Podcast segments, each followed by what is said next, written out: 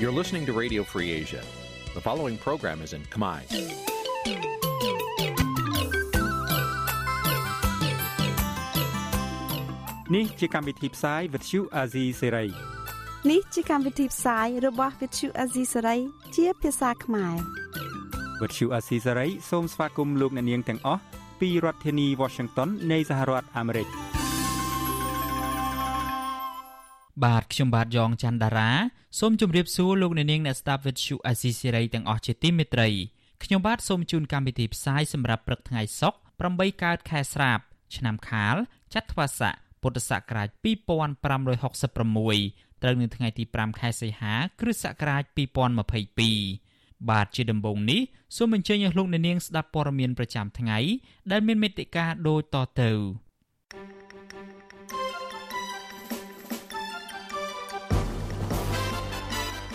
លោកហ៊ុនសែនបញ្ចុះបញ្ចូលសហរដ្ឋអាមេរិកនិងអឺរ៉ុបឲ្យពិចារណាឡើងវិញការដាក់ទណ្ឌកម្មលើរុស្ស៊ីនៅក្នុងរឿងសង្គ្រាមនៅអ៊ុយក្រែនរដ្ឋមន្ត្រីការបរទេសអាមេរិកជំរុញលោកហ៊ុនសែនឲ្យបើកលំហសង្គមស៊ីវិលនិងនយោបាយឡើងវិញនៅមុនការបោះឆ្នោតជាតិឆ្នាំ2023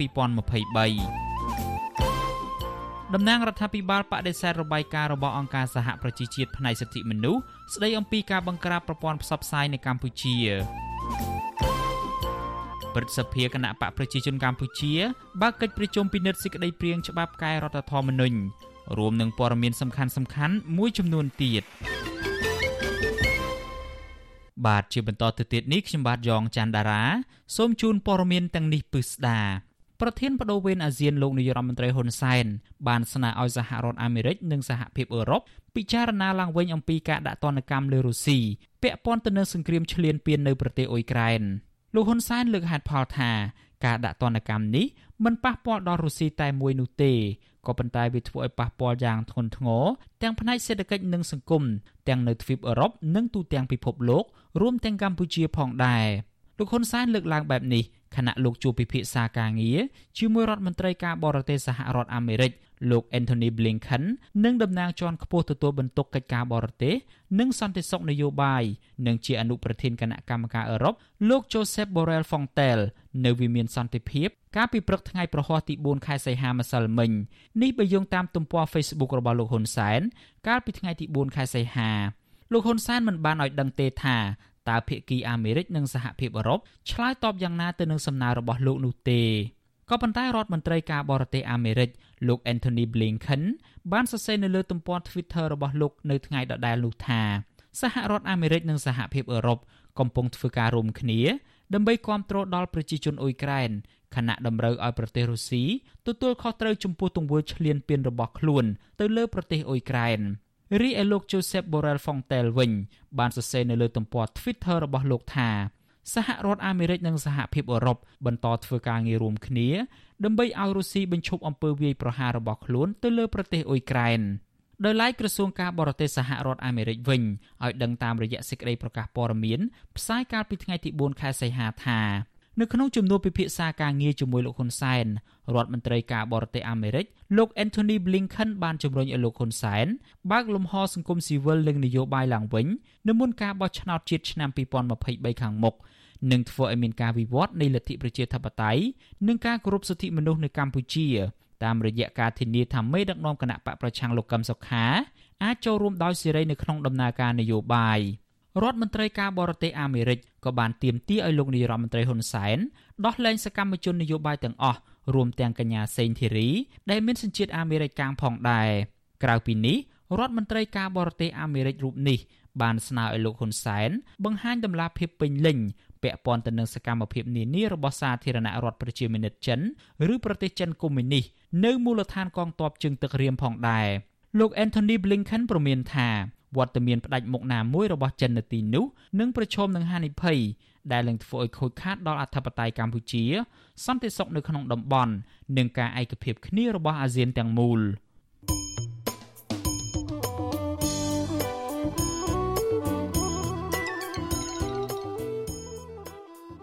លោកអ្នកនាងជាទីមេត្រីដំណើរគ្នានឹងស្ដាប់ការផ្សាយវិទ្យុអាស៊ីសេរីតាមបណ្ដាញសង្គម Facebook និង YouTube លោកអ្នកនាងក៏អាចស្ដាប់កម្មវិធីផ្សាយរបស់វិទ្យុអាស៊ីសេរី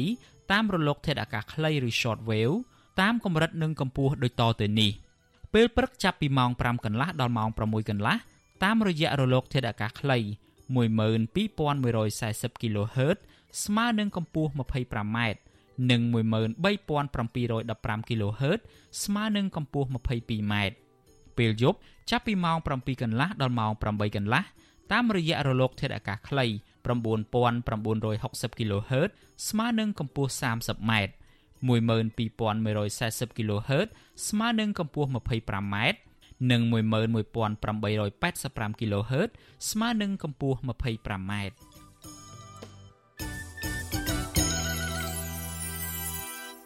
បាទលោកនាងជាទីមេត្រីពាក់ព័ន្ធទៅនឹងកិច្ចប្រជុំរដ្ឋមន្ត្រីការបរទេសអាស៊ានលើកទី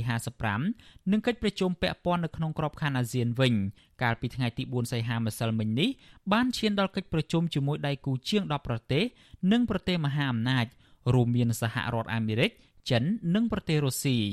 អ្នកជំនាញកិច្ចការនយោបាយអន្តរជាតិយល់ឃើញថាបើកម្ពុជាមានភាពឆ្លាតវៃនៅក្នុងការធ្វើនយោបាយការបរទេសនៅក្នុងនាមជាប្រធានអាស៊ាននៅពេលនេះកម្ពុជានឹងទទួលបានផលចំណេញទាំងនយោបាយនិងសេដ្ឋកិច្ចបាទលោកមានរិទ្ធរាយការណ៍ព័ត៌មាននេះកិច្ចប្រជុំរដ្ឋមន្ត្រីការបរទេសអាស៊ានចាប់ផ្ដើមជជែកជាមួយរដ្ឋមន្ត្រីការបរទេសដែលជាប្រទេសដៃគូរបស់អាស៊ានជាបន្តបន្ទាប់ ក្នុងនោះរួមមានកិច្ចប្រជុំរដ្ឋមន្ត្រីការបរទេសអាស៊ានបូក3លើកទី23ដែលមានរដ្ឋមន្ត្រីការបរទេសនៃបណ្ដាប្រទេសសមាជិកអាស៊ានជជែកជាមួយរដ្ឋមន្ត្រីការបរទេសចិន លោកវ៉ាងយីរដ្ឋមន្ត្រីការបរទេសជប៉ុន លោក Hayashi Yoshimasa និងរដ្ឋមន្ត្រីការបរទេសកូរ៉េខាងត្បូងលោក Park Jin រដ្ឋលេខាធិការនិងជាអ្នកណែនាំពាក្យក្រសួងការបរទេសស្ដីពីកិច្ចប្រជុំអាស៊ាន លោកគង់ភោគថ្លែងក្នុងសន្និសីទសារព័ត៌មាននៅព្រឹកថ្ងៃទី4ខែសីហាថា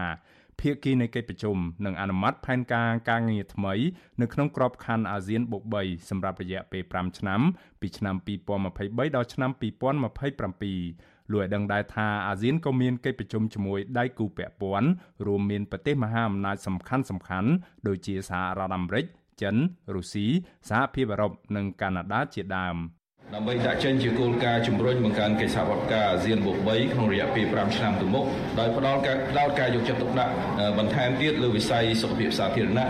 សហគ្រាសមីក្រូតូចនិងមធ្យម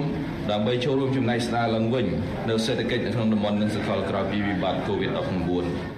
បន្ទាប់ពីចប់កិច្ចប្រជុំរដ្ឋមន្ត្រីការបរទេសអាស៊ានបុក3រួចអាស៊ានក៏មានកិច្ចប្រជុំដាច់ដោយឡែកផ្សេងទៀតរួមមានកិច្ចប្រជុំរដ្ឋមន្ត្រីការបរទេសអាស៊ានជាមួយដៃគូទាំង11 ដែលក្នុងនោះរួមមានដូចជាអូស្ត្រាលីឥណ្ឌាកូរ៉េខាងត្បូងអង់គ្លេសជប៉ុនអាមេរិកនិងចិនជាដើមក្រសួងការបរទេសកម្ពុជានៅមិនទាន់បង្ហាញឲ្យដឹងពីលទ្ធផលនៃកិច្ចប្រជុំរដ្ឋមន្ត្រីការបរទេសអាស៊ានជាមួយរដ្ឋមន្ត្រីការបរទេសសហរដ្ឋអាមេរិកនៅឡើយទេនៅថ្ងៃទី4ខែសីហាបើទោះបីជារដ្ឋមន្ត្រីការបរទេសសហរដ្ឋអាមេរិកលោក Anthony Blinken បានអញ្ជើញមកដល់ប្រទេសកម្ពុជាដើម្បីចូលរួមកិច្ចប្រជុំទាំងនេះ ទំព័រ Facebook របស់លោកហ៊ុនសែនឲ្យដឹងថាក្នុងជំនួបជាមួយរដ្ឋមន្ត្រីការបរទេសអាមេរិកលោក Anthony Blinken កាលពីរសៀលថ្ងៃទី4ខែសីហាលោកហ៊ុនសែនអះអាងថាសហរដ្ឋអាមេរិកបានអរគុណចំពោះកម្ពុជា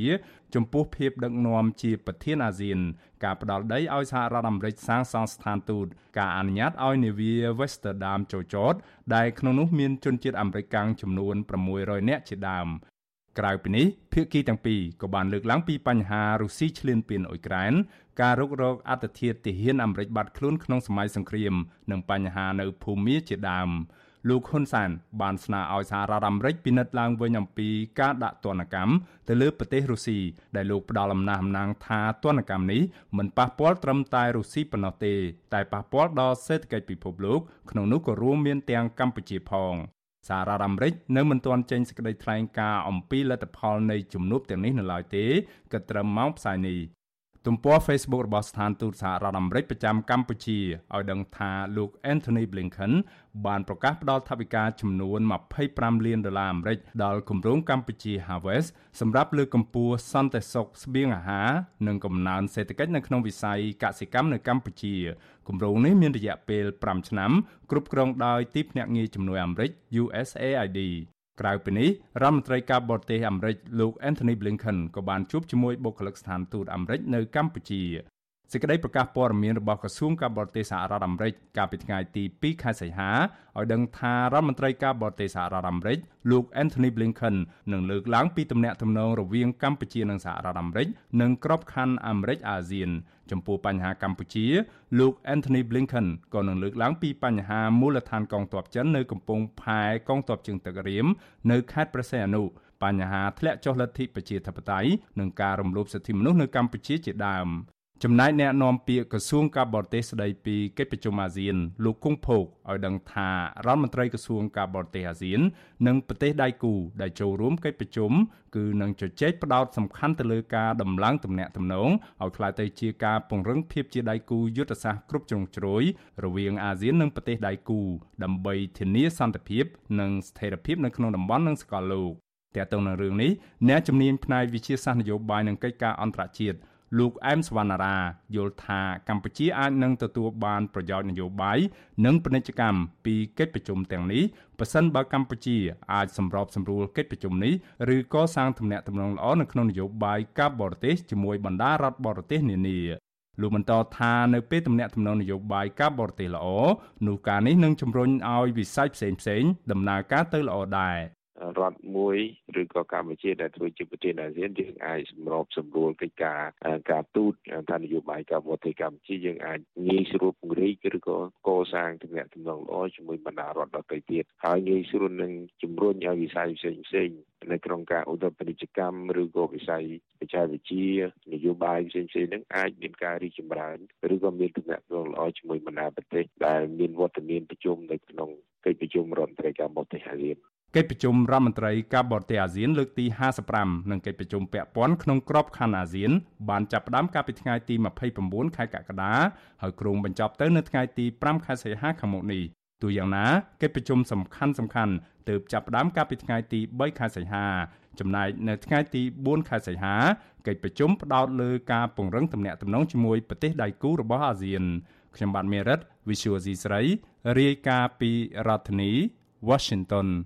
បាទលោកនាងជាទីមេត្រីតកតងទៅនឹងកិច្ចប្រជុំរដ្ឋមន្ត្រីការបរទេសអាស៊ានដដែលនេះអ្នកខ្លំមើលស្ថានភាពនយោបាយលើកឡើងថា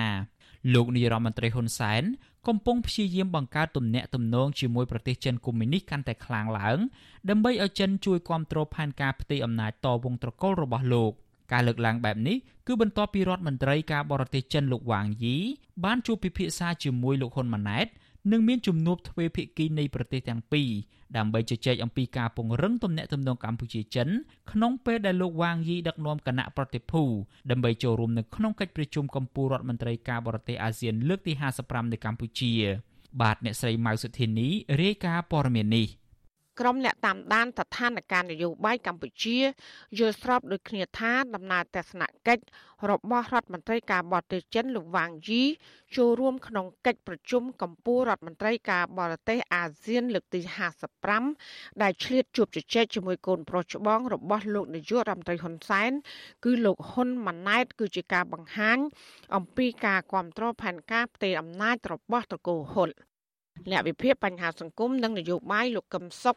លើកឡើងថារដ្ឋាភិបាលមិនត្រឹមតែមានទំនាក់ទំនងល្អជាមួយចិន ដើម្បីឲ្យជួយគ្រប់គ្រងផែនការផ្ទៃអំណាចទៅឲ្យកូនប្រុសរបស់ខ្លួនតែប៉ុណ្ណោះទេក៏ប៉ុន្តែលោកកឹមសុខថារដ្ឋាភិបាលលោកហ៊ុនសែនតែងទាញកម្ពុជាធ្វើជាកូនអុកដើម្បីបំពេញមហិច្ឆតារបស់ប្រទេសចិនលើឆាកអន្តរជាតិ លោកថាក្នុងនោះកម្ពុជានិងចិនហាក់នៅតែមានភាពបិទបាំងអំពីវត្តមានមូលដ្ឋានកងទ័ពចិន នៅលើទឹកដីខ្មែរហើយមិនទាន់មានការជំរះមន្ទិលសង្ស័យដើម្បីឲ្យសហរដ្ឋអាមេរិកនិងប្រទេសក្នុងតំបន់មានការជឿទុកចិត្តនៅឡើយ។ លោកបន្តថារដ្ឋាភិបាលលោកហ៊ុនសែនគួរតែគិតគូរឡើងវិញអំពីការអនុវត្តគោលនយោបាយអព្យាក្រឹតដោយធានាថាមិនលំអៀងទៅរកចិន និងត្រូវចាប់ផ្ដើមស្ដារស្ថានភាពនយោបាយកម្ពុជាឲ្យបានល្អប្រសើរ។ ក៏ប៉ុន្តែចិនក៏ដឹងច្បាស់ណាស់ដែរថាបើកម្ពុជាដើរប្រជាធិបតេយ្យនិងការគោរពសិទ្ធិមនុស្សនៅកម្ពុជានោះទំនាក់ទំនងកម្ពុជានិងសហរដ្ឋអាមេរិកក៏នឹងប្រសើរឡើងវិញលឿនដែរហើយចិនក៏នឹងបាត់បង់ឥទ្ធិពលនៅកម្ពុជាបន្តិចម្ដងបន្តិចម្ដងម្ល៉េះហើយទើបចិនព្ព្យាយាមប្រើអបបាយកល បំពេញបំណងផ្ទេរអំណាចរបស់គ្រួសារហ៊ុនសែនហ្នឹងយកលោកហ៊ុនសែននិងលោកហ៊ុនម៉ាណែតជាឧបករណ៍រារាំងការប្រឹងប្រែងរបស់សហរដ្ឋអាមេរិកក្នុងការស្ដារទំនាក់ទំនងកម្ពុជានិងសហរដ្ឋអាមេរិកនេះរដ្ឋមន្ត្រីការបរទេសចិនលោកវ៉ាងជីកាលពីថ្ងៃទី3ខែសីហាបានដឹកនាំគណៈប្រតិភូបំពេញទស្សនកិច្ចផ្លូវការចូលរួមក្នុងកិច្ចប្រជុំកម្ពុជារដ្ឋមន្ត្រីការបរទេសអាស៊ានលើកទី55 ដែលកម្ពុជាធ្វើជាម្ចាស់ផ្ទះក្រៅពីនេះលោកវ៉ាងយីក៏បានឆ្លៀតឱកាសដើម្បីជជែកពិភាក្សាជាមួយលោកហ៊ុនម៉ាណែតនិងបានជជែកពិភាក្សាក្នុងជំនួបទ្វេភាគីនៃប្រទេសទាំងពីរតាក់ទងនឹងការងារអាស៊ានចិនហើយនិងបញ្ហាអន្តរជាតិលោកហ៊ុនសែនក៏បានលើកឡើងថាកម្ពុជានិងចិន បានចាក់គ្រឹះយ៉ាងមាំនិងមានទំនាក់ទំនងស៊ីជម្រៅនៃកិច្ចសហប្រតិបត្តិការច្រើនវិស័យ លោកហ៊ុនសែនក៏បានអះអាងថាក្នុងជំនួបនោះ លោកវ៉ាងជីបានបញ្ជាក់ចំហថាចិននឹងបន្តគ្រប់គ្រងចំពោះការបន្តវេនស្នងតំណែងជានាយករដ្ឋមន្ត្រីក្នុងគោលដៅរក្សាសន្តិភាពកិច្ចសហប្រតិបត្តិការរវាងកម្ពុជានិងចិន ដើម្បីឲ្យប្រទេសទាំងពីរមានការកសាងសហគមន៍និងជោគវាសនាជាមួយគ្នានៅថ្ងៃអនាគត អ្នកសិក្សាស្រាវជ្រាវនៃវិទ្យាស្ថានខ្មែរសម្រាប់សហប្រតិបត្តិការនិងសន្តិភាពលោកវ៉ាន់បណ្ណាក៏សម្គាល់ថារដ្ឋមន្ត្រីការបរទេសចិនលោកវ៉ាងយីជួបជជែកផ្ទាល់ជាមួយលោកហ៊ុនម៉ាណែតអាចគោលដៅសំខាន់មួយសម្រាប់ប្រទេសចិន ដើម្បីបញ្ជាក់ជំហរពីការគ្រប់គ្រងអំពីផែនការផ្ទៃអំណាចដែលឲ្យលោកស្នងជាតំណែងនាយករដ្ឋមន្ត្រីពីឪពុក នៅទន្ទឹមនេះលោកថាក្រៅពីរដ្ឋមន្ត្រីការបរទេសចិន បានបដិញ្ញាគ្រប់គ្រងជួយអភិវឌ្ឍកម្ពុជាឲ្យមានវាសនាទៅថ្ងៃអនាគតដូចជាប្រទេសចិននេះក្នុងជំនួបទ្វេភាគីនោះចិនក៏អាចមានការបញ្ចុះបញ្ចូលឲ្យកម្ពុជាគ្រប់គ្រងខ្លួនពាក់ព័ន្ធនឹងដំណើរទស្សនកិច្ចរបស់ប្រធានរដ្ឋាភិបាលអាមេរិកអ្នកស្រី Nancy Pelosi ធ្វើដំណើរទៅកាន់កោះតៃវ៉ាន់ហើយដែលរដ្ឋាភិបាលក្រុងប៉េកាំងតែងចាត់ទុកថាជាចំណាយទឹកដីរបស់ខ្លួន។ បើសិនជារឿងវិបត្តិនៅតៃវ៉ាន់វាវត្តទៅចូលជាចំនួនសង្គ្រាមឬក៏មានបញ្ហាមួយហើយកម្ពុជាគ្រប់គ្រងផលប្រយោជន៍ចិនខ្លាំងហើយរៀងប្រឆាំងនឹងផលប្រយោជន៍សហរដ្ឋអាមេរិកខ្ញុំមើលឃើញថាកម្ពុជាអាចនឹងប្រឈមមុខនឹងប្រទេសសហរដ្ឋអាមេរិកដែលអាចទាញទម្លាក់កម្ពុជានៅក្នុងវិបត្តិភូមិសាស្ត្រនយោបាយឬខ្លាយទៅជាជាប់អន្តៈនៅក្នុងភូមិសាស្ត្រនយោបាយហើយមួយទៀតដែលធ្វើឲ្យសហរដ្ឋអាមេរិកអាចកាន់តែដាក់ទណ្ឌកម្មប្រកម្មជាកាន់តែខ្លាំងខ្លាថែមទៀតផងដែរ កាលពីថ្ងៃទី3ខែសីហាគណៈបកប្រជាជនកម្ពុជានិងក្រសួងការបរទេសកម្ពុជា បានចេញសេចក្តីថ្លែងការណ៍ដោយបានបញ្ជាក់ជំហរថាកម្ពុជាប្រកាន់ខ្ជាប់នៅគោលនយោបាយចិនតែមួយដែលឥតងាករេហើយចាត់ទុកបញ្ហាពាក់ព័ន្ធហុងកុងតៃវ៉ាន់ទីបេនិងសិនជាង គឺជាកិច្ចការផ្ទៃក្នុងរបស់ចិន និងសិទ្ធិអធិបតេយ្យរបស់ប្រទេសចិន។ សេចក្តីថ្លែងការណ៍របស់គណៈបកប្រជាជនកម្ពុជាធ្វើឡើង នៅបន្ទាប់ពីមានភាពតានតឹងរវាងចិននិងតៃវ៉ាន់ខណៈដំណើរទស្សនកិច្ចរបស់ប្រធានរដ្ឋាភិបាលអាមេរិកអ្នកស្រី Nancy Pelosi ដែលបានដឹកនាំគណៈប្រតិភូសភាអាមេរិកទៅកាន់កោះតៃវ៉ាន់កាលពីថ្ងៃទី2ខែសីហាបើទោះបីជាមានការគម្រាមកំហែងពីប្រទេសចិន ថាសហរដ្ឋអាមេរិកនឹងរងផលវិបត្តិធ្ងន់ធ្ងរពីដំណើរទស្សនកិច្ចនេះក៏ដោយ។ ទោះបីយ៉ាងណាក្រុមអ្នកខ្លំមើលប្រមានថាប៉ះសិនបើកម្ពុជា បង្ហាញគោលជំហរលំអៀងទៅចិនកាន់តែខ្លាំងពាក់ព័ន្ធនឹងភាពចម្រូងចម្រាសរវាងចិននិងតៃវ៉ាន់នោះកម្ពុជាអាចជួបបញ្ហាប្រឈមកាន់តែខ្លាំងបន្ថែមទៀត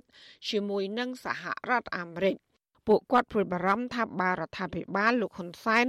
នៅតែបន្តក្តោបក្តាប់ប្រទេសកម្ពុជាហើយដឹកនាំតាមបែបឯកបកគ្រួសារនិយមតវងត្រកូលបែបនេះនោះរដ្ឋាភិបាលលោកហ៊ុនសែនទំនងជាជៀសមិនផុត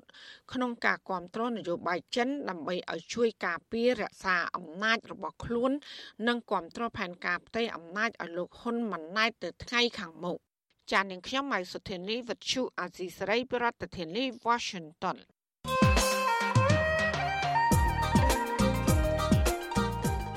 លោកនាងជាទីមេត្រីរដ្ឋាភិបាលកម្ពុជានៅក្នុងនាមជាប្រធានអាស៊ាន បានប្រកាសជំហរគាំទ្រគោលនយោបាយចិនតែមួយនៅស្របពេលដែលរដ្ឋមន្ត្រីការបរទេសអាមេរិកលោក Anthony Blinken បានទៅចូលរួមកិច្ចប្រជុំរដ្ឋមន្ត្រីការបរទេសអាស៊ាននៅរាជធានីភ្នំពេញនេះតើរដ្ឋមន្ត្រីការបរទេសសហរដ្ឋអាមេរិកទៅចូលរួមកិច្ចប្រជុំរដ្ឋមន្ត្រីការបរទេសអាស៊ាននៅពេលនេះដើម្បីទប់ទល់ឥទ្ធិពលចិននៅក្នុងតំបន់អាស៊ានឬមួយក៏យ៉ាងណាបាទសំលោកអ្នកនាង រងចាំស្ដាប់នីតិវេទិកាអ្នកស្ដាប់វិទ្យុអាស៊ីសេរីដែលនឹងជជែកអំពីបញ្ហានេះនាយប់ថ្ងៃសុក្រនេះកុំបីខានលោកអ្នកនាងអាចចូលរួមបញ្ចេញយោបល់ឬសាកសួរវាគ្មិនកិត្តិយសរបស់នេតិយើងដោយដាក់លេខទូរស័ព្ទរបស់លោកអ្នកនាងនៅក្នុងខ្ទង់ comment Facebook ឬ YouTube របស់ Vuthu Azizi Serai ក្រុមការងាររបស់យើងនឹងហៅទៅលោកអ្នកនាងវិញបាទសូមអរគុណ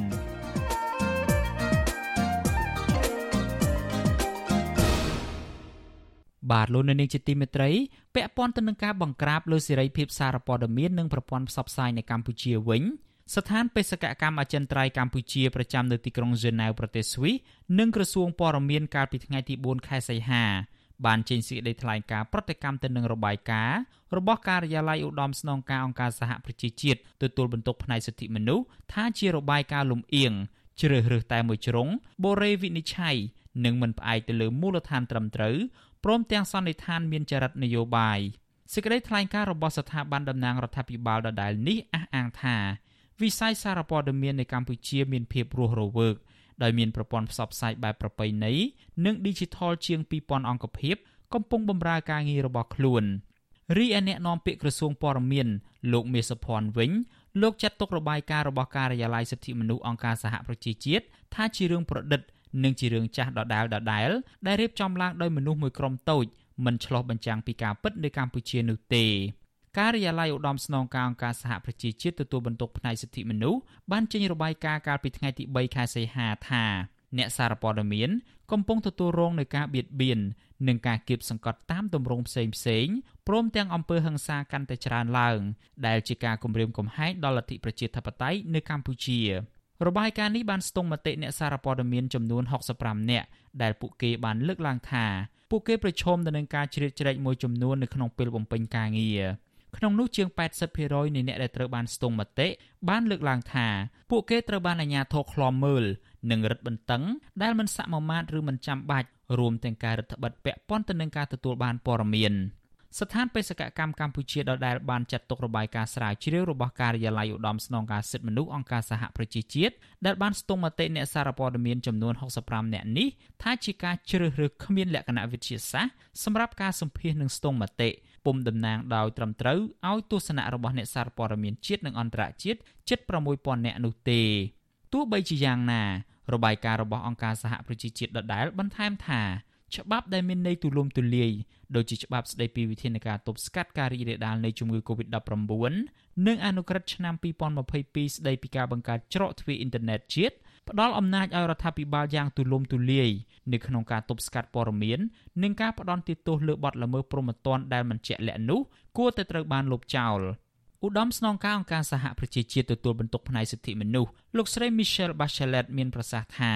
ការរកឃើញនៅក្នុងរបាយការណ៍នេះគឺគួរឲ្យព្រួយបារម្ភខ្លាំងណាស់អ្នកស្រីជំរុញឲ្យអាជ្ញាធរទទួលយកអនុសាសន៍នេះដើម្បីធានាថាប្រព័ន្ធផ្សព្វផ្សាយអាចអនុវត្តការងារសំខាន់សំខាន់របស់ពួកគេបានដោយយុត្តិធម៌និងតម្លាភាពដើម្បីជាប្រយោជន៍ដល់ប្រជាជនកម្ពុជាទាំងអស់ គណៈកម្មការអ្នកច្បាប់អន្តរជាតិឬ ICJ កាលពីឆ្នាំ2021ក៏រកឃើញដែរថាអ្នកសារព័ត៌មាននិងប្រព័ន្ធផ្សព្វផ្សាយនៅកម្ពុជាប្រឈមការគៀបសង្កត់កាន់តែខ្លាំងក្នុងអំឡុងពេលនៃការរាតត្បាតជំងឺ Covid-19 រីឯអង្គការអ្នកសារព័ត៌មានគ្មានព្រំដែនវិញធ្លាប់ចេញរបាយការណ៍ថាសេរីភាពសារព័ត៌មាននៅកម្ពុជាស្ថិតនៅក្នុងស្ថានភាពអាក្រក់បំផុតអង្គការដដែលនេះឲ្យដឹងទៀតថាសេរីភាពសារព័ត៌មានបន្តស្ថិតក្រោមការរដ្ឋបិទ ការគំរាមកំហែងការចាប់ខ្លួនអ្នកសារព័ត៌មានដាក់ពន្ធនាគារពីបទប្រមទ័ននិងការបង្កើតច្បាប់ថ្មីជាដើមកម្ពុជាជាប់លេខ142នៅក្នុងចំណោម180ប្រទេសនៅក្នុងសន្ទុះសេរីភាពសារព័ត៌មានពិភពលោកសម្រាប់ឆ្នាំ2022របស់អង្គការអ្នករាយការណ៍គ្មានព្រំដែនលោកនាងកំពុងស្ដាប់ការផ្សាយរបស់ Vuthu Azizi Serai ពីរដ្ឋធានី Washington សហរដ្ឋអាមេរិក។ តកតងទៅនឹងរឿងកែប្រែរដ្ឋធម្មនុញ្ញវិញព្រឹទ្ធសភានៃគណៈបកប្រជាជនកម្ពុជានឹងបើកកិច្ចប្រជុំនៅព្រឹកថ្ងៃទី5ខែសីហានេះដើម្បីពិនិត្យនិងផ្ដល់យោបល់ទៅលើសេចក្តីព្រាងច្បាប់ស្តីពីវិសោធនកម្មរដ្ឋធម្មនុញ្ញនិងច្បាប់ធម្មនុញ្ញបន្ថែមសេចក្តីប្រកាសព័ត៌មានរបស់អគ្គលេខាធិការដ្ឋានព្រឹទ្ធសភាចេញផ្សាយកាលពីថ្ងៃទី4ខែសីហាម្សិលមិញឲ្យដឹងថាការកំណត់ពេលបើកកិច្ចប្រជុំរបស់ព្រឹទ្ធសភានេះគឺបន្ទាប់ពីមានកិច្ចប្រជុំពិភាក្សាអំពីរឿងនេះ របស់គណៈកម្មាធិការអចិន្ត្រៃយ៍ព្រឹទ្ធសភាក្រោយទទួលបានសេចក្តីព្រាងច្បាប់ដែលអនុម័តដោយរដ្ឋសភារដ្ឋសភារបស់គណៈបកប្រជាជនកម្ពុជា កាលពីថ្ងៃទី28ខែកក្កដាបានផ្ញើសេចក្តីព្រាងច្បាប់វិសោធនកម្មរដ្ឋធម្មនុញ្ញលើកទី10ទៅព្រឹទ្ធសភាភ្លាមភ្លាមបន្ទាប់ពីបានអនុម័តរួចដោយសំអាងថាច្បាប់នេះគឺជាការប្រញាប់ រដ្ឋសភាឯកបៈនៃគណៈបកប្រជាជនកម្ពុជា បានបោះឆ្នោតជាឯកច្ឆ័ន្ទគាំទ្រសេចក្តីព្រាងច្បាប់កែរដ្ឋធម្មនុញ្ញនេះដោយគ្មានការកែប្រែដោយទៅតាមការចង់បានរបស់លោកនាយរដ្ឋមន្ត្រីហ៊ុនសែនការអនុម័តច្បាប់នោះធ្វើឡើងដោយមិនបានអើពើទៅនឹងក្តីបារម្ភរបស់គណៈបកក្រៅរដ្ឋាភិបាលចំនួន4និងក្រុមអង្គការសង្គមស៊ីវិលជាង100ស្ថាប័ន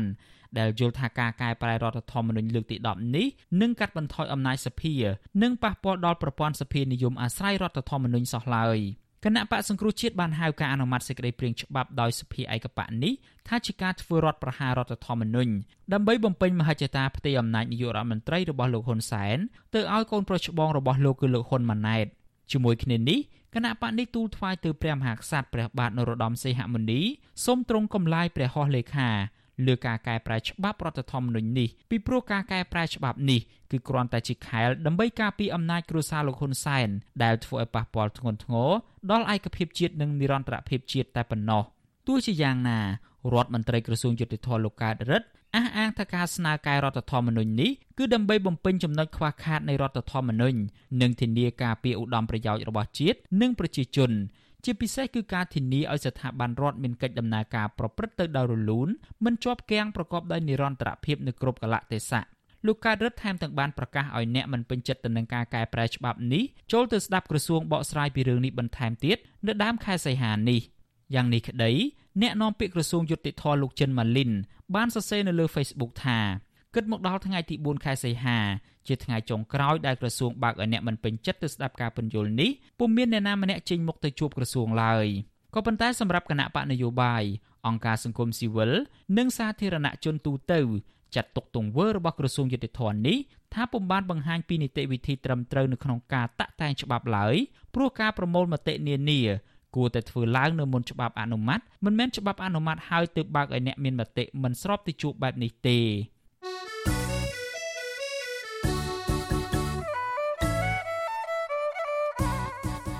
លោកអ្នកនាងកញ្ញាជាទីមេត្រីក្រៅពីការតាមដានកម្មវិធីផ្សាយរបស់ Vuthu Azizi Siri តាមបណ្ដាញសង្គម Facebook YouTube Telegram លោកអ្នកនាងក៏អាចតាមដានកម្មវិធីផ្សាយរបស់យើងតាមរយៈបណ្ដាញសង្គម Instagram របស់ Azizi Siri បានដែរតាមរយៈតំណ link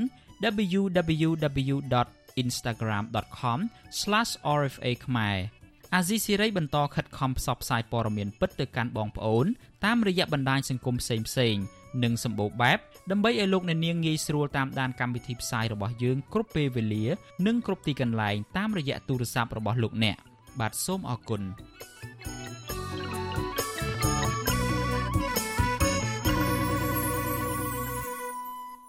បាទលោកអ្នកនាងជាទីមេត្រីយើងងាកទៅរឿងវិវាទការងាររ៉ាំរ៉ៃនៅក្រុមហ៊ុន Casino Naga World វិញម្ដង អាញាធរចម្រុះរាប់រយនាក់កាលពីរសៀលថ្ងៃទី4ខែសីហាម្សិលមិញបានរារាំងនិងបិទរនាំងដែកនៅចំកណ្ដាលផ្លូវមិនឲ្យក្រុមកោតក្រ Nagawal ជាង100នាក់បានប្រមូលផ្ដុំគ្នានៅម្ដុំនេះបាញ់ទឹកក្បែរអគារក្រុមហ៊ុនដើម្បីទាមទារឲ្យក្រុមហ៊ុនពន្លឿនការដោះស្រាយបញ្ចប់វិវាទការងារជូនពួកគាត់នោះឡើយកោតក្រម្នាក់នៃក្រុមហ៊ុន Casino Nagawal កញ្ញាសុករតនាប្រាប់វិទ្យុអាស៊ីសេរីថា ក្រុមកោតក្រនៅតែបន្តការតវ៉ាអហិង្សារហូតទាល់តែមានដំណោះស្រាយសមរម្យដោយសាររយៈពេលជាង1ឆ្នាំមកនេះក្រុមហ៊ុននៅតែមិនព្រមដោះស្រាយបញ្ចប់វិវាទការងារទៅតាមច្បាប់នោះឡើយថ្ងៃនេះខ្ញុំបានចូលរួមធ្វើកោតកម្មជាថ្ងៃទី1សម្រាប់ខ្ញុំតាំងពីខ្ញុំបានបាត់បង់កូនក្នុងផ្ទៃខ្ញុំដោយអញ្ចាអាញាធររុញដោយសារខ្ញុំធ្វើកោតកម្មហ្នឹងហើយថ្ងៃនេះ ចំនួនអ្នកចូលរួមខាងកោតកោដូចជាចំនួនបាន100អ្នកជាងដែរហើយថ្ងៃនេះគឺអត់មានការបតែបតប់អីពីខាងសំណាក់អាជ្ញាធរទេប៉ុន្តែគេនៅតែមានការរៀបបារះពីរតង់ហើយនឹងមានការឈរជាកងកម្លាំងពីរជួរដដែលហើយក៏ដូចជាការមើលបោះពាក្យសម្ដីមើងងាយមកខាងកោតកោអញ្ចឹងណាស្របពេលដែលក្រុមកោតក្រនាំគ្នាបន្តការតវ៉ាប្រមាណជាង7ខែមកនេះការចរចាជាច្រើនលើកច្រើនសារ រវាងភាគីសហជីពតំណាងបុគ្គលិកកម្មករនិងភាគីក្រុមហ៊ុន Casino Naga World នៅតែគ្មានដំណោះស្រាយដដែលនៅក្នុងកិច្ចប្រជុំលើកទី16កាលពីថ្ងៃទី27ខែកក្កដាភាគីវិវាទទាំងសងខាងបានលើកឡើងពីមតិយោបល់ទាមទាររៀងៗខ្លួនភាគីកម្មករនិយោជិតទាមទារឲ្យក្រុមហ៊ុនទទួលយកពួកគេឲ្យចូលធ្វើការវិញដោយដោះដូរជាមួយកម្មករប្រមាណ300នាក់ដែលស្ម័គ្រចិត្តសុំឈប់ធ្វើការទម្លាក់ចោលការចោទប្រកាន់ទៅលើថ្នាក់ដឹកនាំនិងសមាជិកសហជីព និងស្នើសុំឲ្យក្រុមហ៊ុនបញ្ឈប់ការរើសអើងដល់អ្នកធ្វើកោតកម្មតាមរយៈការផ្អាកបង់វិភាគទាននិងអត្ថប្រយោជន៍សម្រាប់ស្ត្រីសម្រាប់លំហែមាតុភាពជាដើមក៏ប៉ុន្តែខាងភៀកគីក្រុមហ៊ុនវិញមិនព្រមនោះទេដោយជំរុញឲ្យអ្នកដែលត្រូវបានបញ្ឈប់ពីការងារនោះមកទទួលកញ្ចប់កិច្ចសន្យាព្រមព្រៀងគ្នាវិញភាគីទាំងពីរបានកំណត់ការបរិច្ឆេទប្រជុំបន្ទាប់គឺនៅថ្ងៃប្រហ័សទី18ខែសីហាខាងមុខដើម្បីជជែកពិភាក្សាបន្តជុំវិញបញ្ហានេះកាលពីចុងខែកក្កដា ក្រសួងការងារក៏បានព្រមានប្រើប្រាស់ប្រព័ន្ធតុលាការដើម្បីចាត់វិធានការទៅលើថ្នាក់ដឹកនាំសហជីព Nagawal ឡើងវិញប្រសិនបើពួកគេមិនព្រមបញ្ឈប់ការធ្វើកោតកម្មបាទលោកអ្នកនាងជាទីមេត្រីអ្នកជំនាញផ្នែកសន្តិសុខលើប្រព័ន្ធអ៊ីនធឺណិតឬអនឡាញណែនាំថាអ្នកប្រើប្រាស់បណ្ដាញសង្គមនៅក្នុងពេលបច្ចុប្បន្ននេះប្រឈមទៅនឹងការឆបោកឬការបោកប្រាស់ជាច្រើនប្រភេទ នៅក្នុងនោះប្រភេទដែលជួបប្រទះញឹកញាប់ជាងគេមានចំនួន5យ៉ាងជាមួយគ្នានេះអ្នកជំនាញក៏បានណែនាំពីវិធីដែលអ្នកប្រើប្រាស់បណ្ដាញសង្គមត្រូវប្រុងប្រយ័ត្នដើម្បីជៀសវាងឬបង្ការមិនឲ្យធ្លាក់ចូលក្នុងអន្ទាក់ឆបោកទាំងនោះបានបាទសំលោកអ្នកនាងរងចាំស្ដាប់បទសម្ភាសន៍អំពីរឿងនេះនៅក្នុងកម្មវិធីផ្សាយរបស់យើងនាពេលបន្តិចទៀតនេះ។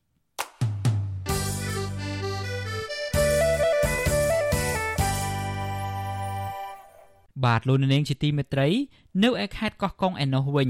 ប្រជាពលរដ្ឋជាង800គ្រួសារនៅក្នុងស្រុកស្រែអំបិលស្រុកបូទុមសាគរនិងស្រុកថ្មបាំងនៃខេត្តកោះកុងដែលមានចំនួនដីធ្លីជាង10ឆ្នាំជាមួយក្រុមហ៊ុនលោកលីយ៉ុងផាត់នៅតែទាមទារឲ្យអាជ្ញាធរដោះស្រាយដល់ពួកគាត់ប្រជាពលរដ្ឋអះអាងថាក្រុមហ៊ុនស្កអំពើរបស់លោកលីយ៉ុងផាត់បានរំលោភយកដីរបស់ពួកគាត់និងមិនបានសងជាសំណងឲ្យបានសមរម្យដែលពួកគាត់អាចទទួលយកបាននោះទេ បាទពីរដ្ឋធានី Washington លោកទីនសាការីយ៉ារាយការណ៍ព័ត៌មាននេះប្រជាប្រដ្ឋអះអាងថាពួកគេនឹងស្វែងរកការដោះស្រាយរឿងចំនួនដីធ្លីនេះទៅថ្នាក់ស្រុកខេត្តទៀតបន្ទាប់ពីសាលាឃុំកណ្ដោលមិនព្រមទទួលយកញត្តិពួកគាត់កាលពីថ្ងៃទី2សីហាខ្លឹមសារញត្តិនោះគឺស្នើសុំឲ្យមេឃុំដែលទើបជាប់ឆ្នោតថ្មីជួយអន្តរាគមន៍ដោះស្រាយវិវាទដីធ្លីរបស់ពួកគាត់ជាមួយក្រុមហ៊ុនស្កអំពៅរបស់លោកលីយ៉ុងផាត់ដែលបានរំលោភយកដីបរដ្ឋជាង10ឆ្នាំមកហើយ។ បរិវត្តរងគ្រោះដីធ្លីនៅឃុំកណ្ដាលស្រុកបទុមសាគរកញ្ញារុនភៀបប្រាប់វិទ្យុអាស៊ីសេរីកាលពីថ្ងៃទី4សីហាថាកញ្ញាបានបាត់បង់ដី2ហិកតាដោយសារក្រុមហ៊ុនរបស់លោកលីយ៉ុងផាត់រំលោភយកកាលពីឆ្នាំ2006តែមិនបានសងសំណងដល់ក្រុមគ្រួសាររបស់កញ្ញានោះឡើយកញ្ញាបន្ថែមថាកាលពីថ្ងៃទី2សីហាបរិវត្តប្រមាណជាង100នាក់បាននាំគ្នាយកញត្តិទៅដាក់នៅសាលាឃុំកណ្ដោលដើម្បីឲ្យលោកមេឃុំជួយអន្តរាគមន៍ដោះស្រាយជូនបរិវត្តតែលោកមេឃុំ មិនព្រមទទួលយកញត្តិរបស់បរដ្ឋទេដោយសំអាងថាក្រសួងរៀបចំដែនដីនគររូបនីយកម្មនិងសំណង់បានដោះស្រាយបញ្ហាចំនួនដីធ្លីនេះរួចរាល់ហើយកញ្ញាបញ្ជាក់ថាការអាងរបស់មេឃុំកណ្ដោលមិនត្រឹមត្រូវទេព្រោះប្រជាពលរដ្ឋនៅខេត្តកោះកុងមិនទាន់ទទួលបានសំណងសមរម្យពីក្រុមហ៊ុនស្កអំពៅរបស់លោកលីយ៉ុងផាត់នោះឡើយ។ ខ្ញុំក៏អញ្ចឹងសំណូមពរទៅដល់ខាងរាជរដ្ឋាភិបាលជួយពង្រឹងការដោះស្រាយដីធ្លីឲ្យប្រជាពលរដ្ឋនៅក្នុងខេត្តកោះកុងឲ្យបានឆាប់បំផុតកុំឲ្យដូចជាពាក្យខាងខេត្តគេចោទប្រកាន់ថាបានដោះស្រាយអីចឹងណាតែពិតទៅគឺអត់ទាន់បានដោះស្រាយរួចរាល់អស់ទេវិទ្យុអាស៊ីសេរីមិនអាចតកតងមេឃុំកណ្ដោលស្រុកបទុមសាគរលោកឈឹងង៉ែដើម្បីសំសួរអំពីបញ្ហានេះបានទេ កាលពីថ្ងៃទី4សីហា ជុំវិញនឹងរឿងនេះដែរអ្នកសម្របសម្រួលអង្គការការពារសិទ្ធិមនុស្សលីកាដូប្រចាំខេត្តកោះកុងលោកហួរអ៊ីនលើកឡើងថា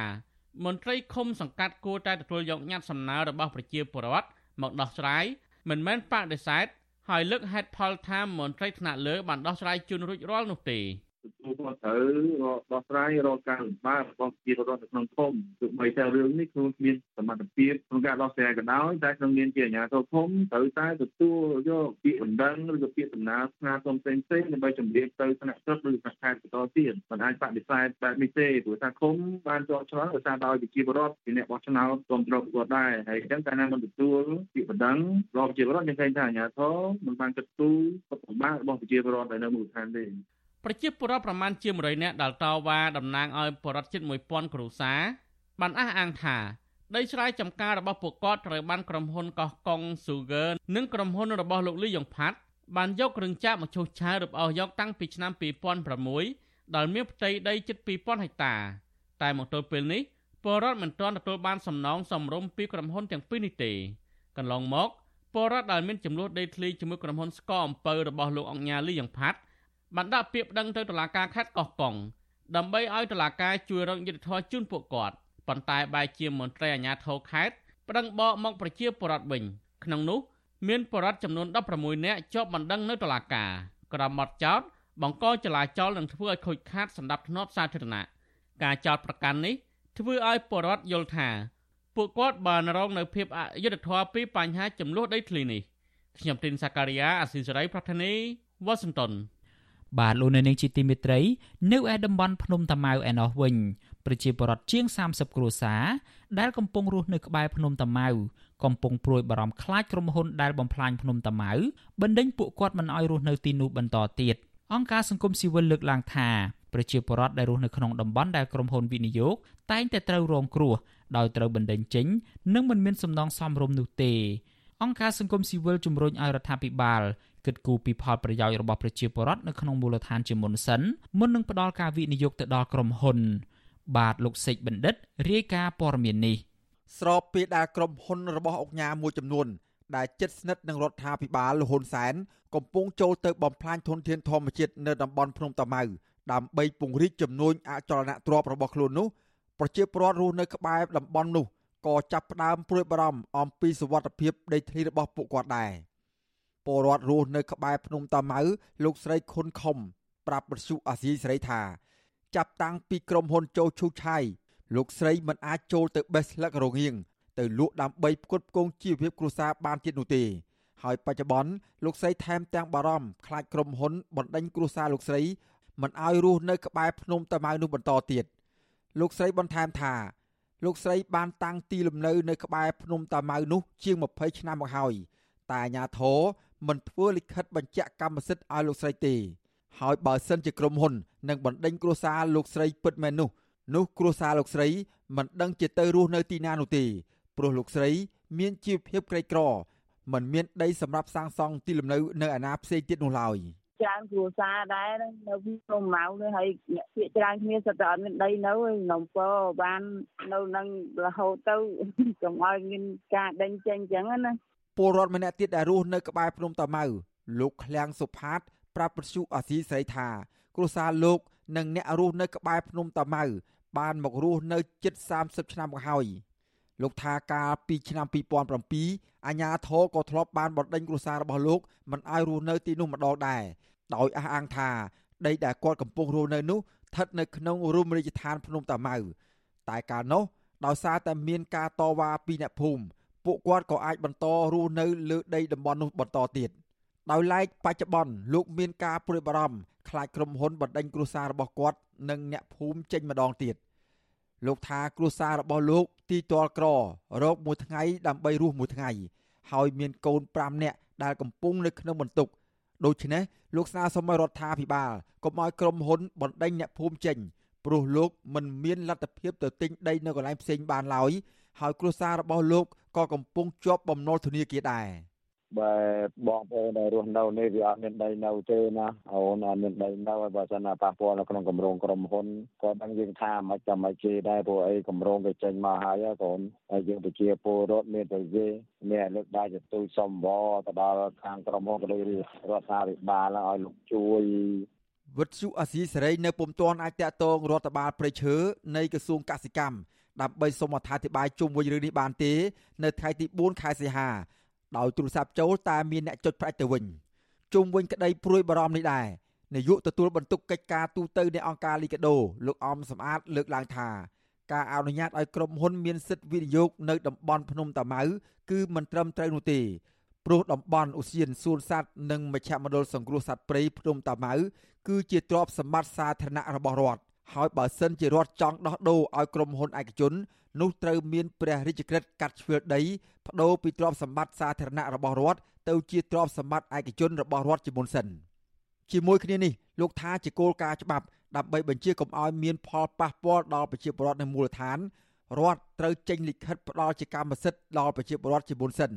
មុននឹងផ្ទេរកម្មសិទ្ធិទៅឲ្យក្រុមហ៊ុនឯកជនវិនិយោគ ខ្ញុំគិតថាចិត្តទេបើសិនជាមានមែនទៅលើប្រជាពលរដ្ឋដែលមានការព្រួយបារម្ភភ័យព្រួយពីការបណ្តេញចេញពីទីតាំងដែលគាត់រស់នៅរាប់សិបឆ្នាំហើយហ្នឹងអាជ្ញាធរត្រូវតែមានការដោះស្រាយជាមួយគាត់ឬក៏ពលរដ្ឋហ្នឹងអាចដាក់ពាក្យសួរទៅអាជ្ញាធរមូលដ្ឋានដើម្បីស្វែងរកដំណោះស្រាយដើម្បីបំបត្តិនៅភាពមន្ទិលសង្ស័យក៏ដូចជាការភ័យព្រួយភ័យខ្លាចអំពីការបណ្តេញចេញនោះបាទ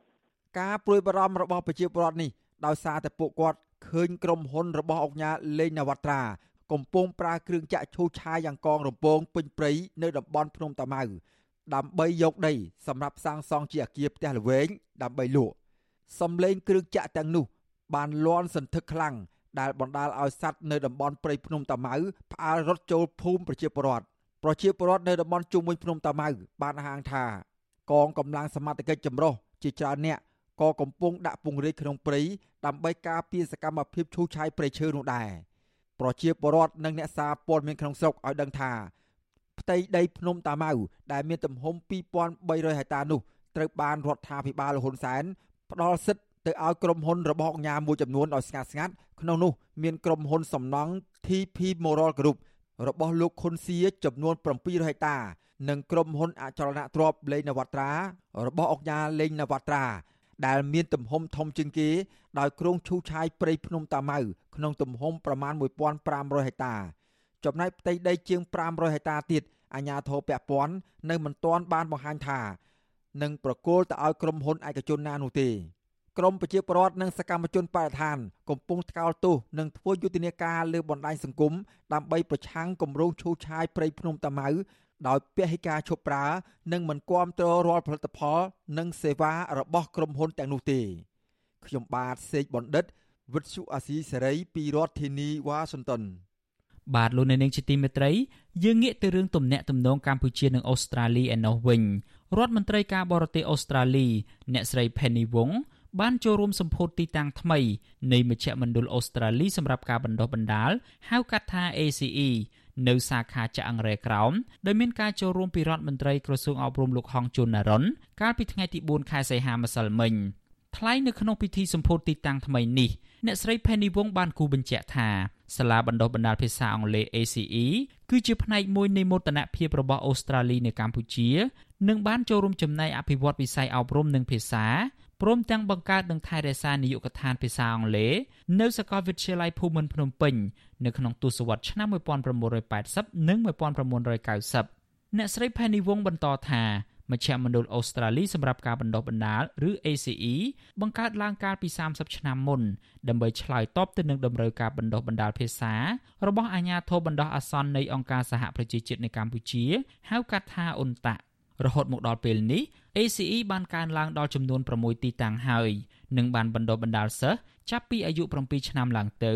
បានចំនួនជាង80000នាក់ក្នុងមួយឆ្នាំមួយឆ្នាំអ្នកស្រីបន្តថាពលរដ្ឋខ្មែរចំនួន500,000នាក់បានសិក្សានៅសាលាភាសាអង់គ្លេស ACE នេះដោយបានប្រើប្រាស់ជំនាញរបស់ពួកគាត់ដើម្បីបន្តការសិក្សាថ្នាក់ឧត្តមសិក្សានៅប្រទេសអូស្ត្រាលី និងទទួលបានការងារល្អប្រសើរព្រមទាំងការបើកអាជីវកម្មថ្មីៗជាដើម។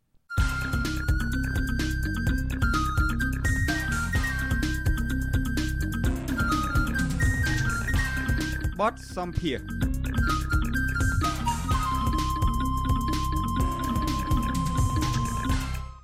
បាទលោកអ្នកនាងជាទីមេត្រីអ្នកជំនាញផ្នែកសន្តិសុខលើប្រព័ន្ធអ៊ីនធឺណិតឬអនឡាញ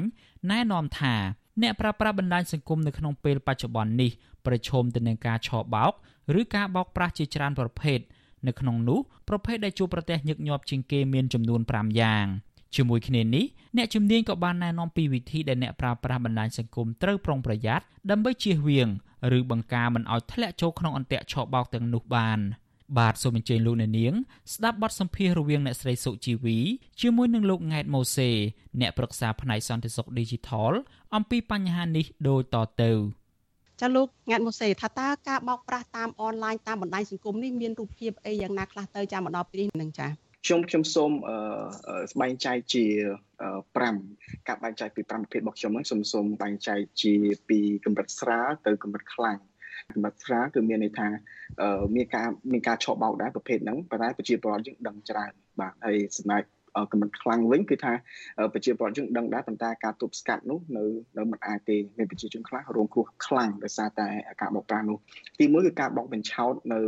តាមការផ្ដល់អំណោយបាទហ្នឹងយើងឃើញកន្លងមកដែរណាបាទជាដូចផ្ដល់ ទូរស័ព្ទដៃឲ្យផ្ដល់នៅរថយន្តអីទាំងឡាយបាទហើយប្រើប្រាស់នៅឈ្មោះក្រុមហ៊ុនល្បីល្បីឬការមុនយើងឃើញមានការបោកប្រាស់តាមរយៈអនឡាញហ្នឹងឲ្យយើងបំពេញនៅ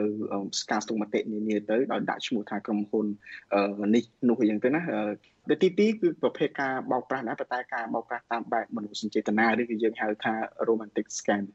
អ្នកបោកប្រាស់ហ្នឹងបន្លំខ្លួនធ្វើជាអ្នកមានស្តុកស្ដំនៅបរទេសអញ្ចឹងទៅបាទហើយបន្ទាប់មកទៀតមកស្វែងរកជនរងគ្រោះនៅលើបណ្ដាញសង្គមដែលចូលចិត្តនិយាយពីរឿងឯកោជីវិតអញ្ចឹងទៅបាទគេផ្ញើសារទៅហើយមានការជនរងគ្រោះហើយនិងជនឆក់បោកដោះដូរការសារឆ្លើយឆ្លងគ្នាសន្ទនាឡើងឡើងទៅហើយទុកចិត្តគ្នាបាទអញ្ចឹងឲ្យបង្កើតឲ្យមានមនោសញ្ចេតនាទៅឲ្យជនមកប្រាស់ចាំបានចាប់ផ្ដើមនៅការផ្ដល់នៅទិញរបស់របរដូចជាកាបូបទំនើបទំនើបអីចឹងទៅបាទឲ្យជនរងគ្រោះនេះទៅយកនៅពលានយន្តហោះអីចឹងទៅណាដោយដោយធ្នូនឹងការបង់ពន្ធ ប្រាក់ខ្លះដូចជាពី300ទៅ500ដុល្លារជាងដើមទៅដល់ពេលជនរងគ្រោះបង់ហើយទៅដល់ពលានយន្តហោះដើម្បីយកតំណែងអីចឹងទៅបាទគឺថាអត់បានទេបាទការបោកប្រាស់ទី3គឺការបោកបញ្ឆោតលួចគណៈនៃបណ្ដាញសង្គមដើម្បីទៅខ្ចីលុយបាទអញ្ចឹងជនបោកប្រាស់បានបន្លំផ្ញើសារក៏ call ទៅកាន់ជនរងគ្រោះទៅថាខ្ញុំសុំទោសខ្ញុំមិនច្រឡំដាក់លេខទូរស័ព្ទបងឲ្យក្រុមហ៊ុនបណ្ដាញសង្គមដើម្បីផ្ញើលេខកូដទៅឲ្យបងដាក់លេខបងច្រឡំអញ្ចឹងបងសុំជួយ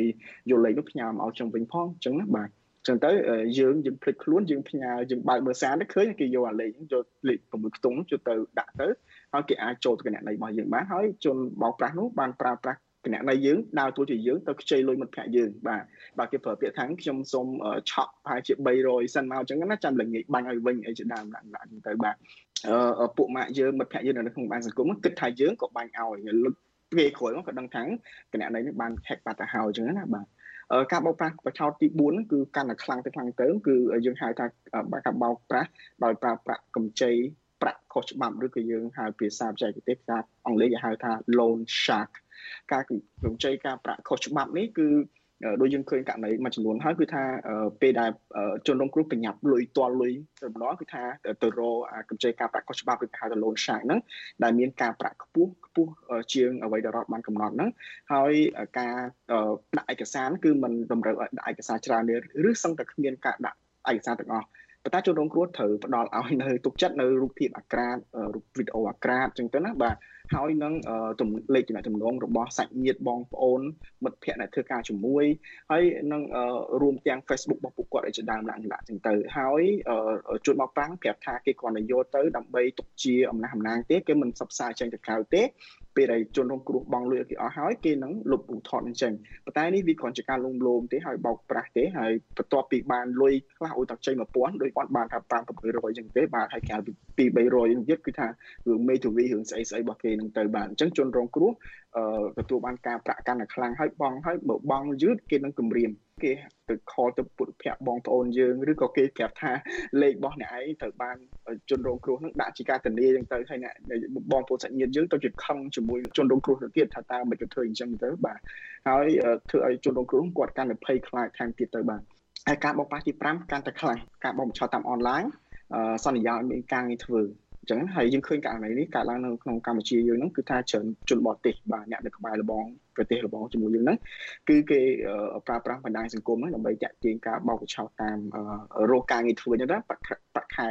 ច្រើនមានកន្លែងស្នាក់នៅមានអាហារញ៉ាំចុកអីចឹងទៅណាហើយធ្វើការងារស្រួលដូចជាដូចជាអ្នកផ្សព្វផ្សាយ IT អីចឹងដើមជាដើមអញ្ចឹងបាទអញ្ចឹងអ្នកដែលស្វាស្វែងរកការងារធ្វើតាមអនឡាញហ្នឹងចេះភាសាអង់គ្លេសចេះអីផងគឺថាគេទៅយកមកធ្វើការជាមួយដល់ពេលចុងក្រោយមិនមែនធ្វើការទេគឺថាគេគេទៅទៅចាប់មកឲ្យធ្វើការបោះបញ្ឆោតបន្តទៅទៀតបាទ តើអ្នកប្រើប្រាស់បណ្ដាញសង្គម Facebook ឬក៏បណ្ដាញសង្គមអីផ្សេងផ្សេងទៀតដែលកំពុងតែល្បីនៅក្នុងពេលបច្ចុប្បន្នហ្នឹងគួរយល់ដឹងគួរបង្កើនការប្រុងប្រយ័ត្នអីយ៉ាងម៉េចចាដើម្បីឲ្យពួកគាត់ហ្នឹងបង្ការការចាញ់បោកការឆោបោកនឹងបានចាបាទអញ្ចឹងករណីប្រភេទទី1ទី2ទី3ដូចជាករណីការបោកបញ្ឆោតដោយ ផ្ដល់ផ្ដល់នៅរង្វាន់ការបោកបញ្ឆោតឬប្រើប្រាស់ប្រាំមួយចេតនាការបោកបញ្ឆោតនៅក្នុងការលួចគណនីហើយគឺជ័យលួយមិត្តភ័ក្ដិហ្នឹងអាហ្នឹងសម្រាប់3ករណីនេះខ្ញុំលើកទឹកចិត្តឲ្យអ្នកប្រើប្រាស់ហ្នឹងគឺមុននឹងផ្ដល់លុយថវិការបស់យើងទៅឲ្យនរណាម្នាក់យើងគោះចាក់ត្រូវជួបគេសិនមក ផ្ទាល់មុខទល់មុខសិនយ៉ាងហោះគឺបានជួបគេម្ដងដែរអញ្ចឹងពីរបីដងដែរដើម្បីឲ្យដឹងថាអ្នកនេះអ្នកណាគេអ្នកនឹងយើងនិយាយជាមួយអ្នកណាគេហើយទោះបីជាមានការស្នើចៃលុយអីក្តីអញ្ចឹងយើងកុំឲ្យលុយថវិការបស់យើងហ្នឹងទៅនរណាម្នាក់ដែលយើងអត់បានជួបមុខគេទាល់តែសោះនៅលើអនឡាញសម្រាប់ករណីប្រភេទទី4ទី5ករណីឆោបបោកតាមដូចជា loan shark ដែលខ្ញុំនិយាយមិញហើយនឹងករណីការបោកអញ្ឆោតតាមរយៈការការផ្ដល់ការងារដែលខ្ញុំនិយាយមិញទី4ទី5ហ្នឹងគឺ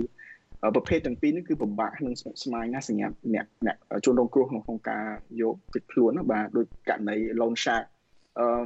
មិនគ្នាយើងសុខសុខទៅខ្ចីលុយគេអញ្ចឹងទេជួនកាលតើយើងទាល់ដែរយើងទាល់យើងមិនអាចទៅរកអ្នកណាស្គាល់សោះបានអាហ្នឹងវាពិបាកព្រោះពេលយើងទាល់យើងត្រូវតែការដោះស្រាយឲ្យបានប៉ុន្តែ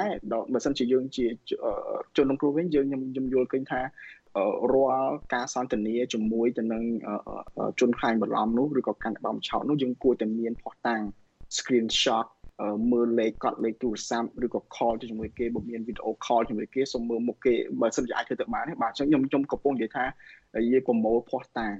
ចង់ទៅបើយើងចង់ខ្ចីលុយយើងត្រូវតែគួរទៅស្ថាប័នដែលចុះបញ្ជីធំត្រូវអញ្ចឹងណាប៉ុន្តែបើយើងទាល់ហើយបាទចុងក្រោយយើងទៅខ្ចីលុយអញ្ចឹងយើងទៅប្រយ័ត្នយើងខ្ចីលុយដោយតាមសមាគមបែបនោះយើងប្រកាសណាគឺថាយើងនឹងធ្លាក់នៅក្នុងអាការបោកបញ្ឆោតតាមនោះហើយរូបភាពវីដេអូរបស់យើងនៅដែលយើងផ្ដល់ទៅឲ្យគេហ្នឹង គឺពេលដែលវាដាក់នៅលើអ៊ីនធឺណិតហើយវានឹងមិនបាត់ទេវាអាចលុបចេញបានពីកន្លែងខ្លះតែកន្លែងផ្សេងអាចនៅទុកអញ្ចឹងវានឹងបាត់ទេថ្ងៃក្រោយឆ្នាំក្រោយ10ឆ្នាំក្រោយវាអាចលួចមកវិញបានអឺករណីការបោកបញ្ឆោតរឿងការងារវិញបានពាក្យច្រើនយើងឃើញតែជនបរទេសមកទេណាបើទៅខ្ញុំអាចផ្ដល់យោបល់បានគឺថាការស្វះស្វែងរកការងារមិនគួរណាត្រូវបានធ្វើឡើងនៅតាមការ មើលការផុសនៅលើគណនីបណ្ដាញសង្គមទេវាគួរតែត្រួតពិនិត្យទៅមើលនៅក្នុង website ស្វះស្វែងរកការងារដែលគេមានស្ថាប័នគេត្រឹមត្រូវគេមាន email គេមានការចុះឈ្មោះគេមានការ apply ដាក់ CV ដែលអីត្រឹមត្រូវអញ្ចឹងណាអញ្ចឹងការដែលប្រកាសរកបុគ្គលិកតាមបណ្ដាញសង្គមបើសិនជាយើងទុកចិត្តគេស្គាល់ម្នាក់ហ្នឹងអានឹងមិនអីទេបើយើងអត់ទុកចិត្តគេអត់ស្គាល់ម្នាក់ហ្នឹងទេខ្ញុំមិនលើកទឹកចិត្តឲ្យបន្ថយនៅក្នុងការ ទំនាក់ទំនងដើម្បីឲ្យបានការងារធ្វើមកនោះទេតកតងទៅនឹងកម្ចីប្រាក់តាមអនឡាញនេះចានេះខ្ញុំបានសម្ភាសជាមួយនឹងជាអ្នកនាំពាក្យសមាគមមីក្រូរ៉ាញ់ថោនៅកម្ពុជានឹងលោកបានលើកឡើងបញ្ជាក់ថាមកដល់ពេលនេះនឹងប្រភេទកម្ចីដែលផ្ដល់តាមអនឡាញនឹងភាគច្រើនបំផុតនឹងគឺជាប្រភេទកម្ចីដែលតាក់ទងទៅដល់ការបោកប្រាស់ពីព្រោះថាមិនទាន់មានស្ថាប័នផ្ដល់កម្ចីជាផ្លូវការដំណើរការនៅឡើយទេនៅកម្ពុជា ចាគ្រាន់តែមានជារបៀបដូចថាធនាគារខ្លះហ្នឹងក៏ក៏អាចតាក់ទងទៅអតិថិជនរបស់ខ្លួនហ្នឹងតាមអនឡាញចឹងដែរប៉ុន្តែមិនមែនជាការផ្ដល់កម្ចីដែលជាផ្លូវការទៅតាមអនឡាញនៅឡើយទេដូច្នេះពេលដែលប្រជាពលរដ្ឋលោកត្រូវការកម្ចីដែលដែលផ្ដល់តាមអនឡាញនេះគឺត្រូវតែប្រុងប្រយ័ត្នបំផុតពីព្រោះអាចជាប្រភេទនៃការបោកប្រាស់នឹងភាគច្រើនបំផុតដែរចាតើអ្នកណាជាអ្នកដោះស្រាយបញ្ហានៃការដែលជួបប្រទះការបោកប្រាស់តាមអនឡាញនេះដើម្បីការពារប្រជាពលរដ្ឋយើង ពីការគ្រោះថ្នាក់ដោយសារតែការបោកប្រាស់អស់ទាំងនេះចា៎ទី1គឺជនរងគ្រោះត្រូវតែចាប់ផ្ដើមដំបូងមុនគេអត់មានអ្នកណាគេដែលអាចជួយជនរងគ្រោះបានក្រៅតែពីខ្លួនឯងដំបូងហើយយើងដឹងរឿងនឹងទេ ការរាយការណ៍របស់យើងនឹងជួយទប់ស្កាត់បទល្មើសបន្ទាប់ទៀត ដែលអាចកើតឡើងទៅលើជនរងគ្រោះថ្មីមួយទៀតបាទបើយើងអត់អន់រាយការណ៍បានប្រាប់អត់បានចងក្រងឯកសារទេយើងយើងអាចជួយឲ្យគេបង្កើតនៅជនរងគ្រោះថ្មីទៅថ្មីទៅរៀងរាល់ថ្ងៃទី2គឺស្ថាប័នអង្គការសង្គមស៊ីវិលត្រូវប្រមូលផុសតាងហើយធ្វើការសិក្សាស្រាវជ្រាវហើយនឹងជួយដល់ជនរងគ្រោះដែលត្រូវបានទួលរងគ្រោះហ្នឹងការអភិវឌ្ឍការស្ដារឡើងវិញនៃនីតិសម្បទាបានឡើងវិញបាទ ជាពិសេសគឺតកតងជាមួយនឹងបញ្ហាផ្លូវចិត្តគាត់ត្រូវទទួលបានការអប់រំផ្លូវចិត្តជាដើមឡើងឡើងបាទក្រោយទៅពីមានបញ្ហាកើតឡើងមិនគួរទុកគាត់នៅសហគមន៍គាត់នៅតែឯងនៅគ្មានការពិសាខាងផ្លូវចិត្តនោះទេអឺទី3គឺអាញាធរគួរតែបង្កើននៅធនធានមនុស្ស នៅក្នុងការទទួលពាក្យបណ្ដឹងឲ្យបានច្រើនដើម្បីអាចដោះស្រាយពាក្យបណ្ដឹងប្រជាពលរដ្ឋឲ្យបានលឿនឆាប់តាមអាចធ្វើទៅបានខ្ញុំបើបញ្យល់ល្អទៀតអាជ្ញាធរគួរតែបញ្ចេញនៅរបាយការណ៍នៅក្នុងការដោះស្រាយតើដោះស្រាយបានប្រមាណករណីលើករណីអីខ្លះចាអរគុណច្រើនលោកង៉ែតម៉ូសេចា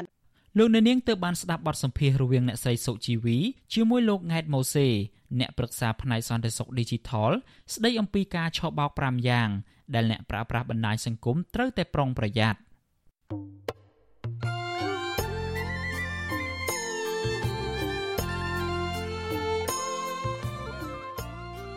លោកអ្នកនាងជាទីមេត្រី នៅក្នុងឱកាសនេះដែរខ្ញុំបាទសូមថ្លែងអំណរគុណដល់លោកអ្នកនាងកញ្ញាទាំងអស់ដែលតែងតែមានភក្ដីភាពចំពោះការផ្សាយរបស់យើងហើយចាត់ទុកការស្ដាប់វិទ្យុអាស៊ីសេរីជាផ្នែកមួយនៃសកម្មភាពប្រចាំថ្ងៃរបស់លោកអ្នកនាង គឺការគ្រប់គ្រងរបស់លោកអ្នកនាងនេះហើយដែលធ្វើឲ្យយើងខ្ញុំមានទឹកចិត្តកាន់តែខ្លាំងថែមទៀតនៅក្នុងការស្វែងរកនិងផ្តល់ព័ត៌មានជូនលោកអ្នកនាងមានអ្នកស្ដាប់អ្នកទស្សនាកាន់តែច្រើនកាន់តែធ្វើឲ្យយើងខ្ញុំមានភាពស្វាហាប់មោះមុតជាបន្តទៅទៀតយើងខ្ញុំសូមអរគុណទុកជាមុនហើយសូមអញ្ជើញលោកអ្នកនាងកញ្ញាចូលរួមជំរុញឲ្យសកម្មភាពផ្តល់ព័ត៌មានរបស់យើងនេះឲ្យកាន់តែជោគជ័យបន្ថែមទៀត លោកអ្នកនាងអាចជួយយើងខ្ញុំបានដោយគ្រាន់តែចុចចែករំលែកឬ Share ការផ្សាយរបស់យើងនៅលើបណ្ដាញសង្គម Facebook និង YouTube ទៅកាន់មិត្តភ័ក្តិដើម្បីឲ្យការផ្សាយរបស់យើងបានទៅដល់មនុស្សកាន់តែច្រើន បាទសូមអរគុណ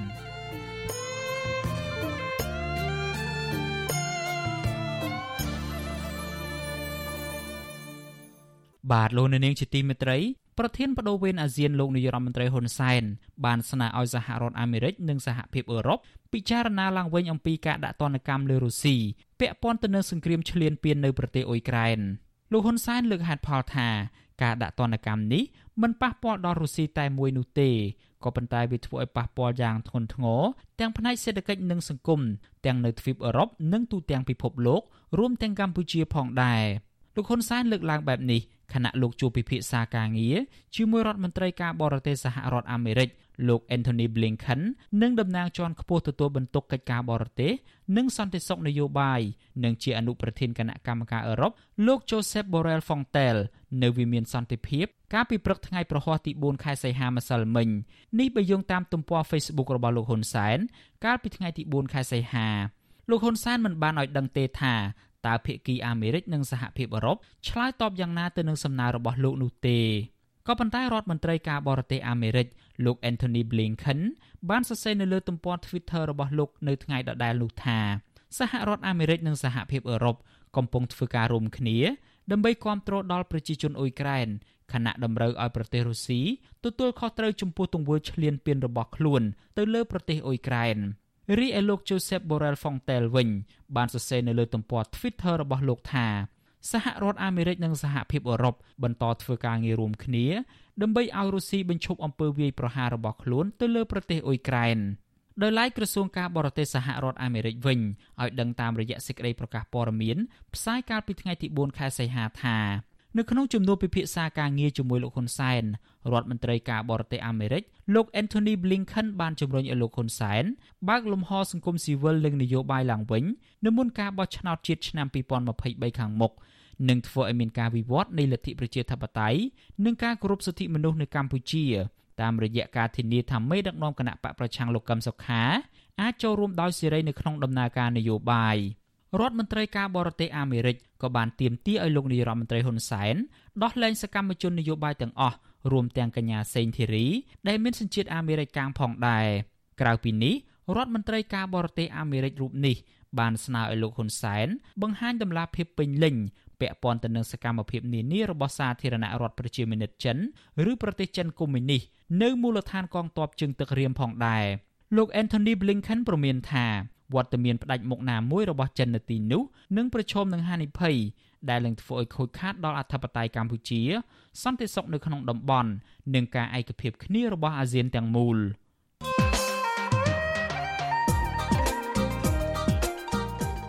លោកនាងជាទីមេត្រី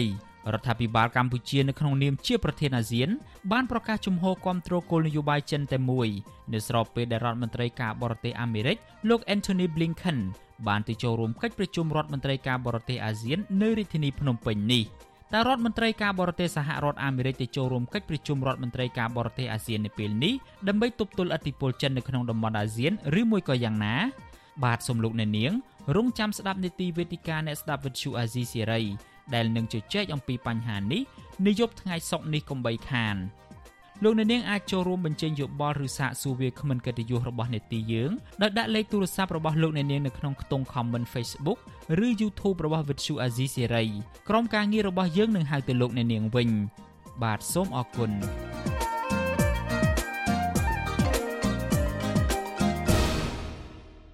លោកអ្នកនាងជាទីមេត្រីការផ្សាយរយៈពេល1ម៉ោងរបស់ Vuthu Azizi Serai នៅព្រឹកនេះចប់ត្រឹមតែប៉ុណ្ណេះយើងខ្ញុំសូមជូនពរដល់លោកអ្នកនាង ព្រមទាំងក្រុមគ្រួសារទាំងអស់ឲ្យជួបប្រកបតែនឹងសេចក្តីសុខចម្រើនរុងរឿងកុំបីឃ្លៀងឃ្លាតឡើយខ្ញុំបាទយ៉ងច័ន្ទដារាព្រមទាំងក្រុមការងារទាំងអស់នៃវិទ្យុអាស៊ីសេរីសូមអរគុណនិងសូមជម្រាបលា